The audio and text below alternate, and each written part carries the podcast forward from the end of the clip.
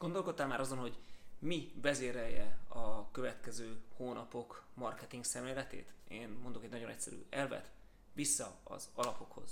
Meg is magyarázom, hogy mire gondolok és miért. Az elmúlt évek, valljuk be, nagyon elkényelmesítették a marketingeseket, hiszen uh, annyi gazdag funkcióval látnak el minket a nagy platformok, és főleg a Facebook, hogy egy csomó minden másra nem volt szükségünk és ez oda vezetett, hogy mondjuk a cégek weboldal helyett csak egy Facebook oldalt kezdtek el üzemeltetni. A hírlevél feliratkozók helyett Facebook csoportokba gyűjtötték az embereket, meg volt, aki persze mondjuk Instagramra vagy YouTube-ra, de más platformokhoz szervezték ki a potenciális érdeklődőket, a potenciális vásárlókat. És ez valahol ez érthető volt, hiszen ezek a platformok ezek annyi gazdag funkcionalitást biztosítottak, és biztosítanak mind a mai napig egyébként,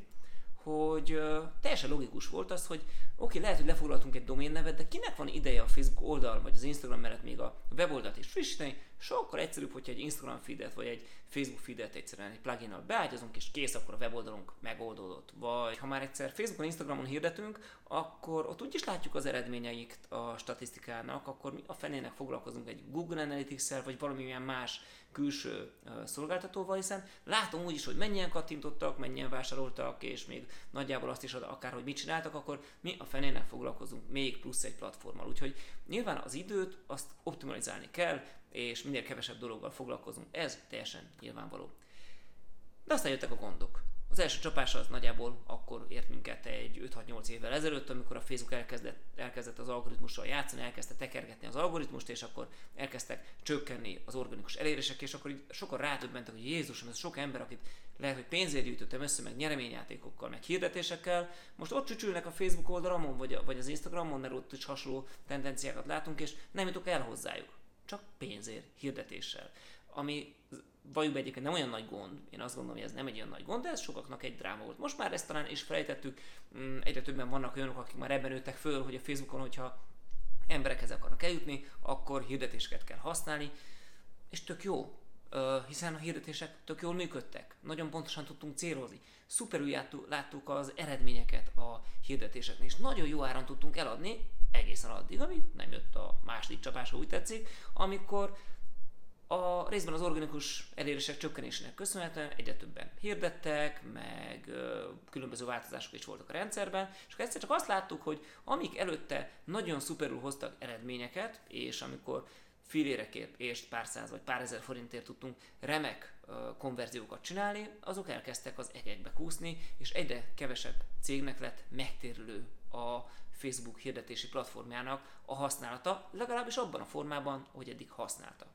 És most pedig ott tartunk, hogy ha hirdetünk és ha megtérülő is, akkor adatokat egyre kevésbé látunk a rendszerbe. Ez nagyban az iOS 14-nek köszönhető, amelyik így elzárta az adatcsapnak az egyik részét, és ezért elkezdte a Facebook átalakítani a hirdetési rendszerét, és egyre kevesebb olyan adatot mutat meg nekünk, amit korábban megmutatott, és akkor mit tudom, nem látjuk azt, hogy mondjuk a, a vásárlásokat azonnal, csak mondjuk két vagy három nap múlva. Nem látjuk azt, hogy a vásárlók, vagy akik kattintottak, vagy akik konvertáltak, azok honnan, milyen országból vagy származnak, vagy hány évesek, vagy milyen neműek, és ezek az adatok viszont kulcsfontosságúak lennének. És ezt a tendenciát ezt látjuk, hogy ahogy hozzászoktunk a kényelemben ahhoz, hogy a Facebook hirdetési rendszere minden adattal gazdagon ellát minket, és minden funkcióval gazdagon ellát minket, és ezek a funkciók ezek egyébként gazdagodnak a továbbiakban is, a kényelmünk az gyakorlatilag elhozta azt a pillanatot, hogy rá kellett jönni sokaknak, hogy a fát azt maga alatt vágta.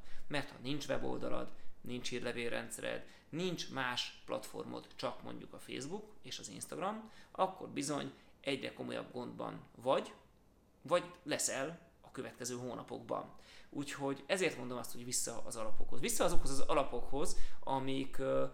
akkor használtunk, amikor még a Facebook nem volt, vagy nem volt ennyire erős. Legyen weboldalunk, ami működik és friss. Legyen hírlevél rendszerünk, hírlevél küldünk, ami működik, ahova folyamatosan gyűjtjük az embereket, és amik, uh, amit frissen tartunk, és ahol rendszeresen küldünk a célcsoport számára hasznos üzenetet. Legyünk a Facebook és Instagram mellett jelen YouTube-on, legyünk ott a Google My Business-en, legyen több olyan jelenlétünk, amelyiket folyamatosan frissítünk. Folyamatosan frissítjük nem csak a Facebook oldalunkat, Instagramot, hanem Google My Business-t és a weboldalunkat is, és a levélistánkat is, mert ha ezt megtesszük, akkor már sokkal jobban várnak ránk a lehetőségek. Plusz ne csak a Facebook adataira támaszkodjunk, hanem igen, igen, és tessék szépen megkeresni azokat a Google Analytics belépési adatokat, és frissíteni az Analytics 4-re, vagy frissíteni a célokat, meg a konverziókat, és elkezdeni használni végre az UTM paramétereket a Facebookon, könyörgöm, könyörgöm tényleg, aki ezt még nem tette meg, hogy a Facebookon, vagy hírlevél, vagy bárhol nem használja a li- saját linkjének a felparaméterezését. Hát soha nem volt erre jobb idő, ugyanis, hogyha eddig úgy hirdettél a Facebookon, hogy nem használtál után paramétereket, nem volt akkor a gond, mert a Facebook nagyon sok információt adott. De ezek az adatoknak vége. Ha ezekre az adatokra vagy hasonlókra vagy kíváncsi, akkor bizony azt saját magadnak kell biztosítani. Részint a Google Analytics-be, azzal, hogy mondjuk a hirdetéseidből, a linkjeidből, akár a csoportokból, a hírlevelekből felparaméterezett linkeken keresztül viszed az embereket, részint pedig plusz új adatgyűjtésekkel, hogy mondjuk rendszeresebben kérdezed meg a weboldal látogatóit, tehát nem onnan, vagy nem arról, hogy mondjuk honnan érkezett, hanem számodra releváns információkkal kapcsolatban kérdezed meg a látogatókat, a hírlevélfeliratkozókat, a vásárlókat, és ezek lesznek majd azok, amik segítenek abban, hogy optimalizálni tud a kommunikációdat, hogy optimalizálni tud a hirdetéseidet. Úgyhogy vissza az alapokhoz,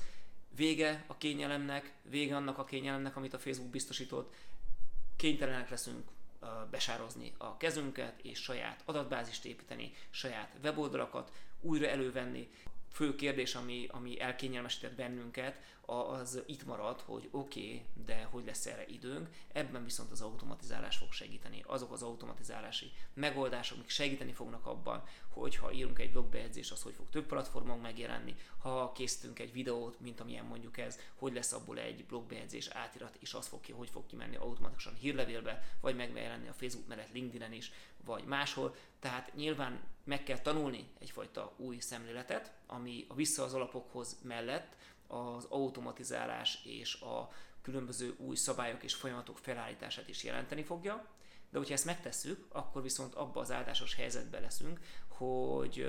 részint az adatoknak egy részét visszanyerjük, és részint felkészülünk arra az időre is, amikor, amikor várhatólag azért a Facebook meg fogja oldani ezeket az adatokkal kapcsolatos problémákat, hiszen ebből élnek a bevételei 99% jelen pillanatban hirdetésekből jön, és hogyha a hirdetők nem fognak náluk azért hirdetni, mert nincs elég adat, akkor ők pórul járnak, és nyilván dolgoznak ezen. Meg vagyok győződve, hogy ezt valahogy meg fogják oldani de nem biztos, hogy ez mindenki ezzel fog jutni. Lehet, hogy ezt majd csak a nagyok, a nagy költők fogják az adatok egy részét megkapni, vagy lehet, hogy olyan algoritmusok, olyan modellezések fognak dolgozni, amit szintén csak azok fognak tudni kihasználni, akik sok adattal rendelkeznek,